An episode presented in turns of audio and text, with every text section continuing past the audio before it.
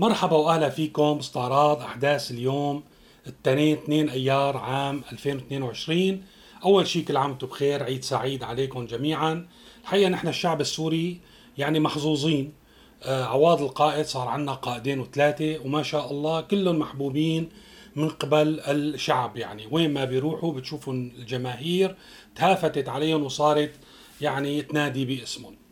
بالأيام الماضية الأخيرة وخاصة مع وجود بعض الأحداث وعلى رأسها كان آه، مجزرة التضامن. فاتنا نحكي ببعض الأحداث. كان منا زيارة أردوغان الرئيس التركي إلى السعودية.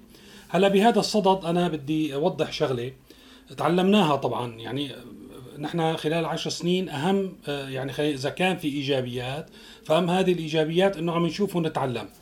تعلمنا إنه مصالح الدول ما بتتحقق فقط بالتوافق بين الدول أحيانا تتحقق ببعض المراحل بالصراع بين الدول. يعني ناخذ مثال مثل ما بيصير بين إيران وإسرائيل. الصراع بين إيران وإسرائيل عم يحقق مصالح الدولتين في منطقتنا. يعني خلينا نقول العراق وسوريا ولبنان اثنيناتهم عم يزيد نفوذهم بسبب هذا الصراع.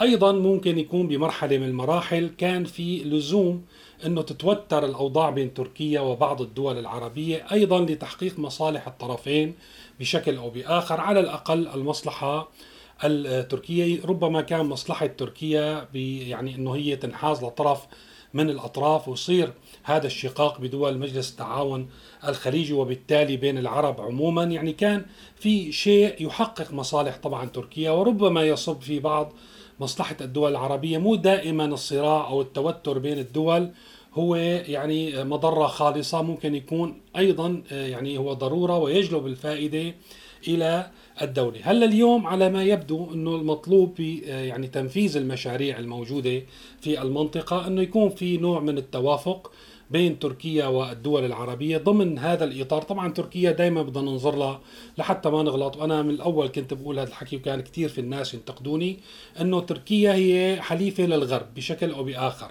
تركيا بأساس تشكيل الدولة الجمهورية الحالية هي يعني هي محسوبة على الغرب على الولايات المتحدة الأمريكية وكثير من الدول الأوروبية. مهما شفتوا في توتر وأحيانا اخذ وعطى بين هذه الدول ولكن استراتيجيا وبالأساس لا يمكن الدولة التركية أن تنقلب على هذا الأساس وتصبح في موقع العداء للغرب. يعني هذا هذا الموضوع لا يمكن أن يحدث. وبالتالي بدنا ناخذ هي القاعدة بعين الاعتبار. وضمن هذا الموضوع ربما أنه آه، اليوم المطلوب من تركيا كدور تلعبه لتحقيق مصالحها مرة ثانية تركيا هي شريك ما أداة طبعا ما شريك بالنص يعني هي لا توازي قوى الشراكة بتعرفوا حسب قوة كل طرف. ولكن في بعض الدول في المنطقة ممكن نقول عنهم أدوات وبالتالي هن ما بيحققوا أي مكاسب لدول ولشعوبهم تركيا تلعب لتحقق مكاسب. يعني هذا الشيء أنا عايشه بتركيا من عشر سنين. هي تعمل لتحقق المكاسب لشعوبها بشكل أو بآخر وللدولة التركية. ضمن هذا الإطار هي ترسم سياستها الخارجية. هلأ ممكن يقولوا أو في في نظرية بتقول أنه ما يجري اليوم لزوم الانتخابات القادمة. أكيد هذا بيصب بمصلحة خاصة يعني حزب العدالة والتنمية. في كثير مقالات تكتب بالصحافة التركية بأنه أردوغان ممكن ما يرشح نفسه. بكل الأحوال رشح نفسه أو ما رشح نفسه الخطة كدولة تركية بدها تمشي بالاتجاه المخطط له خاصة فيما يتعلق بسوريا وباللاجئين السوريين. بالمناسبة يعني أنا قريت بمقال آه، عن رئيس الحزب المعارض الجي هي بي بتركيا. إذا بدنا نقرأ شو هي خطة رئيس حزب الشعب الجمهوري آه، في آه، تركيا. بنشوف إنه هي ذات الخطة ولكن هو يقول بأنه سينسق مع النظام ويفتح السفارات. ولكن إذا اجينا كيف بده يعيد اللاجئين لسوريا فهو نفس الخطة يلي قال بها أردوغان منذ سنوات. بمعنى إنه لازم تكون المناطق آمنة إنه هن ما معرضين للقتل. هو لازم يتواصل مع دول الاتحاد الأوروبي ويعقد اتفاقيات لبناء مناطق محددة. وطبعا هو يقصد في الشمال السوري. ومن ثم بعد ما ينجز كل هذا يمكن أن نعيد اللاجئين السوريين. هي نفس الخطة بشكل أو بآخر ولكن ربما يعني المعارضة أنا بتقديري ما راح تحسن تاخذ خطوات واسعة باتجاه النظام ولكن ممكن تكون الهامش ما بالتعاون مع النظام أوسع من حزب العدالة والتنمية. هذا كل شيء. أما فيما يتعلق بسوريا بالمنطقة العازلة بمصالح تركيا العليا بأمن القومي فيما يتعلق بإعادة اللاجئين وكيفية إعادة اللاجئين ما بتوقع راح يتغير شيء. فاذا نرجع لزيارة أردوغان للسعودية. طبعا الاستقبال كان يعني استقبال آه، يعني احتفوا فيه واضح من من الاستقبال ومن المشاهد في في المدن في الشوارع الرئيسية كيف استقبلوا آه، ولي العهد. يعني هذا الموضوع ما في يعني ما كان أصلا متوقع أنه يكون بغير هذه الطريقة.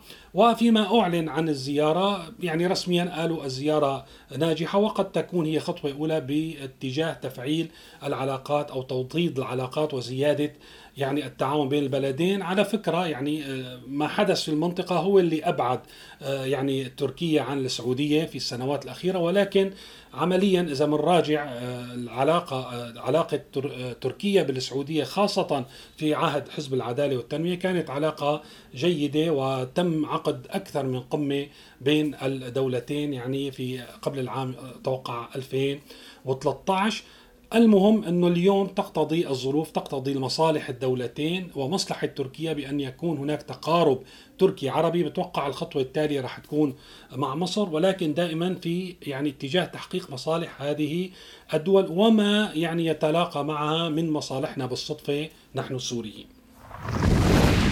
فينا نقول الأسبوع الماضي كان يعني أسبوع الضغط استمرار الضغط على النظام السوري كان المحور في هذا الموضوع اللي استلموه يعني الدول والمنظمات الأممية هو موضوع الكيماوي. يعني دائما مطالب النظام بتسليم ترسانته بين قوسين من الأسلحة الكيماوية ولكن في معرض المطالبة بما تبقى من الأسلحة الكيماوية كان في ذكرى تأسيس المنظمة أو الاتفاقية تبع حظر الأسلحة وبيان الاتحاد الأوروبي الحقيقة كان يعني واضح وشديد اللهجة وتقريبا لم يأتي على ذكر إلا دولتين هن سوريا وروسيا. ونحن حكينا اليوم أنه مع الأسف اليوم أصبحنا مكسر عصا مثل ما بيقولوا أو الخاصرة الرخوة لروسيا. أي جهة بدها تستهدف اليوم روسيا رح تيجي علينا باعتبار نحن حلفاء وأكدنا على هذا الحلف وهذه الشراكة. ومرة ثانية تصريحات مسؤولين كلهم أنه هي بتحطنا في مقدمة الحرب الروسية مع باقي دول العالم وبالتالي استهدافنا بشكل أو بآخر اليوم أو استهداف النظام يعني خلينا نقول. ولكن هذا سيؤثر بطبيعة الحال على الشعب السوري لأن هو الخاسر الوحيد في كل ما جرى. آه، سيكون من خلال استهداف سوريا بمزيد من العقوبات بمزيد من التصعيد. إلى آخره. فإذا بيان الاتحاد الأوروبي بذكرى تأسيس أو ذكرى اتفاقية حظر الأسلحة الكيماوية تم ذكر فيه والتأكيد على الدولة يعني هن عم بيقولوا الجمهورية العربية السورية وبالتالي في اتهام للدولة باستخدام الأسلحة وفي تأكيد على ضرورة المحاسبة بجرائم القتل اللي تمت من خلال الأسلحة الكيماوية وفي السياق أيضا يعني ذكروا موضوع بوتين والمعارض اللي تم تسميمه أيضا من خلال آه، يعني جرعة كيماوية آه، أخذوها كدليل أنه روسيا تطور أسلحتها. الكيماوية. وإن ما كان في بيان الاتحاد الأوروبي ربط مباشر بين الدولتين ولكن تق ولكن كون البيان تقريبا حول فقط دولتي يعني سوريا وروسيا فهو بيحطهم في خانة واحدة. هلأ موضوع الربط تم ربط سوريا وروسيا من خلال تصريح المسؤولين بناء على ذات المناسبة. مثلا ناخذ كمثال تأكيد وزير الخارجية الأمريكي بلينكين أن الولايات المتحدة ستواصل جهودها على محاسبة روسيا لدعم هجمات نظام الأسد الكيماوية لاحظوا كيف تم الربط بين روسيا فإذا إذا كان يعني الفكرة اللي بدي أقولها وقت كان روسيا قبل ما تبلش غزوة لأوكرانيا وكطرف ينسق مع باقي الأطراف كان يحسب لها وتستطيع بشكل أو بآخر أن تجعل الطرف الآخر الدول الغربية في يعني آه، مهادنة مع النظام السوري أن تتستر شكل أو بآخر على أفعاله أو يعني تضب هذه الأفعال بالدرج لوقت معين. اليوم مو بس روسيا ما عادت تمون على هذه الأطراف بل أصبح هناك مصلحة غربية للولايات المتحدة والدول الأوروبية في استهداف روسيا من خلال سوريا. وبالتالي هذا الموضوع راح يتكرر ويظهر مو بس بموضوع الأسلحة الكيماوية ولكن الأسبوع الماضي كان هذا المحور الأساسي أنه آه، آه، النظام السوري أنه الحكومة أو النظام السوري استخدم الأسلحة الكيماوية ضد شعبه وارتكب مجازر. طبعا بنشوف هذا في سياق البيانات والأخبار ضد الإنسانية وجرائم إبادة ترتقي إلى مستوى الإبادة الجماعية ويقوم بتغطية مثل ما قال وزير الخارجية الأمريكي. بيجوا بقى السياسيين بيربطوا الموضوع إذا كان البيان ما بيحسن يربط الفعلين مع بعضهم ولكن السياسيين ممكن يربطوا دولة بحجم الولايات المتحدة الأمريكية. بتيجي بتقول أنه روسيا عم بتغطي على جرائم النظام السوري التي يستخدم من خلالها الأسلحة الكيماوية. أيضا بنشوف بريطانيا بنفس السياق أنه آه، قالت بشكل مباشر دعت وزيرة الخارجية البريطانية أن روسيا استخدمت حق النقد 17 مرة منذ العام 2011 وذلك لمنع حماية الشعب السوري خلال سنوات الثورة السورية. أنه وأكدت أنه استخدام الفيتو كان لعرقلة جهود مجلس الأمن الرامية لحماية الشعب السوري، فشايفين كيف موضوع الربط وكيف موضوع استهداف روسيا من خلال آه، سوريا. فيما عدا محور آه، الأسلحة الكيماوية آه، دائما رح نشوف ومرة ثانية هذا الموضوع ذكرناه أكثر من مرة ولكن عم نرجع نذكر فيه كل ما صار في حدث. صار في اجتماع بين ممثلي جامعة الدول العربية. هذا ثاني اجتماع بتوقع بيصير خلال الفترة ومصر والاتحاد الأوروبي وفرنسا وألمانيا والعراق والأردن والنرويج وقطر والمملكة العربية السعودية وتركيا. والمملكة المتحدة بريطانيا والولايات المتحدة يعني بأواخر شهر نيسان الماضي وصدر بيان. هلا البيان هو تقليدي ولكن نركز على الفقرة الأخيرة آه، منه يلي هو مواصلة تنفيذ قرار مجلس الأمن 2585 والتأكيد على ضرورة مواصلة الضغط من أجل المساءلة ولا سيما المساءلة عن أخطر الجرائم المرتكبة في سوريا. فإذا هذا الموضوع هذا الموال بده يضلوا يغنوه طالما الصراع أو الحرب الروسية قائمة في آه، أوكرانيا. ولا شك إنه بده كل الملفات اللي كانت يعني محطوطة على جنب. آه، أنا بتوقع ضمن هذا الإطار أجت اجى موضوع مجزرة التضامن. ما ممكن نحن ما نربط توقيت الكشف عن هذه المجزرة بالصراع الروسي الغربي ويعني محاولة الدول الغربية والولايات المتحدة الأمريكية أن توصم روسيا بالإجرام من خلال تغطيتها على الجرائم جرائم النظام السوري. وهذه أحد الوسائل يلي عم يتبعوها. طبعا هذا الموضوع بالنهاية من آه، صالحنا آه، نحن بصراع الطرفين كل طرف يكشف جرائم الطرف الآخر بسوريا مع الأسف نحن المفعول به ولكن هذا شيء جيد بأنه يتم توثيق هذه الجرائم ربما نستطيع بالارتكاز على تثبيت هذه الجرائم أن نأخذ خطوة بمصلحة السوريين. هلأ اللي بدي أقوله بالمقابل دوروا دوروا جماعة النظام وروسيا كيف بده يردوا على هذا الموضوع؟ إنه يعني النظام استخدم الأسلحة الكيماوية النظام عمل مجزرة التضامن وممكن يكون في مجازر أخرى على الطريق. طب شو هن كيف بده يتناولوا آه، موضوع آه، يعني الولايات المتحدة الأمريكية ويحاربوا بنفس السلاح اللي عم بتحارب آه، في دول الغربيه روسيا؟ فما كان قدامهم غير الرقم.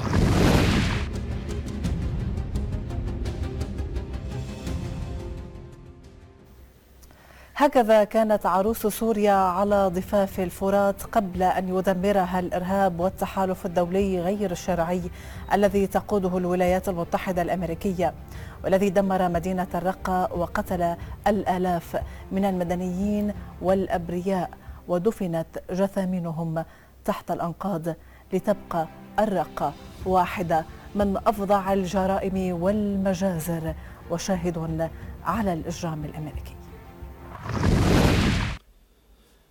هذا الخطاب يلي سمعتوه عم يتكرر من عشرة أيام تقريبا في تفعيل آه، من الدبلوماسية الروسية والسورية. طبعا سوريا كانت غير معنية لا بقتل شعبها ولا بتدمير مدنها ولكن على الأغلب أجتها أوامر من روسيا بإثارة هذا الملف لحتى يكون عندهم ورقة بورقة. يعني هيك عم بتصير. الأمور وراح نشوف إنه في تركيز. طبعا هو صار في تركيز وانتهينا ولكن آه، راح نشوف إنه روسيا راح راح تستخدم هذه الورقة في المحافل الدولية في مواجهة الورقة آه، دعم روسيا للنظام السوري في ارتكاب جرائمه ومنها الجرائم الكيماوية. طبعا روسيا ما زالت غارقة في المستنقع. يوم عن يوم عم نشوف إنه فعلا هي تم استخدامها أو استدراجها للمصيدة. أول شيء الدول الغربية صار واضحة الخطة عملوا انسحاب عن الساحة الأوكرانية أنه يا جماعة نحن ما دخلنا سحبوا الدبلوماسيين سحبوا القوى يعني يعني بما معناه عطوا إشارة لروسيا أنه نحن غير مهتمين. أخي اعمل اللي بدك تعمله بمجرد أن دخلت القوى الروسية القوات الروسية إلى أوكرانيا صارت ردة فعل عنيفة وسريعة بحيث أنه هن قيدوا الحركة روسيا وقيدوا روسيا الاتحادية دبلوماسيا واقتصاديا وسياسيا؟ وشافت حالة روسيا اليوم محشورة في خانة الاتهامات. اتهامات ترتقي إلى ارتكاب مجازر حرب أو إبادة جماعية. عم نشوف هذا الموضوع يتم اليوم إثارته. بالإضافة إنه دعموا أوكرانيا بكل أنواع الأسلحة الممكن يدعموها فيها وأعطوها دعم اقتصادي وسياسي كبير. يعني نحن امبارح شفنا على سبيل المثال أو أولت امبارح شفنا رئيسة مجلس النواب الأمريكي إلى كييف والتقت الرئيس الأوكراني في كييف. أيضا شفنا على سبيل المثال من الأخبار إنه آه، المستشار الألماني عم يدافع عن نهج ألمانيا في إرسال أسلحة ثقيلة لأوكرانيا. ماكرون بعد إعادة انتخابه عم بيقول سنساعد كييف في جمع أدلة على جرائم حرب هذا اللي حكينا فيه قبل شوي. وبالتالي عموما أيضا خلينا نقول جونسون وعد بمساعدات عسكرية إضافية لأوكرانيا. هيك الأخبار اليوم. في يعني تصاعد في تحرك الدول الغربية باتجاه أوكرانيا باتجاه دعم أوكرانيا والموقف الأوكراني. طبعا استهدافا مو محبة بأوكرانيا. مرة ثانية أنا ب يعني بعتقد إنه أوكرانيا والشعب الأوكراني راح يكون ضحية ولكن لكي يضعفوا روسيا ولكي ينتصروا عليها أعتقد أن هناك شيء مخطط تجاه روسيا الاتحادية. آه، يعني مرة أخرى ومن سوء حظنا أنه يعني نحن ربطنا من دون إرادتنا مثل ما عم بيصير آه، بكل شيء. ولكن رسميا خلينا نقول ربطنا مصيرنا بمصير هذه الدولة التي أرى أنها يعني في مهما طال الزمان إلى زوال.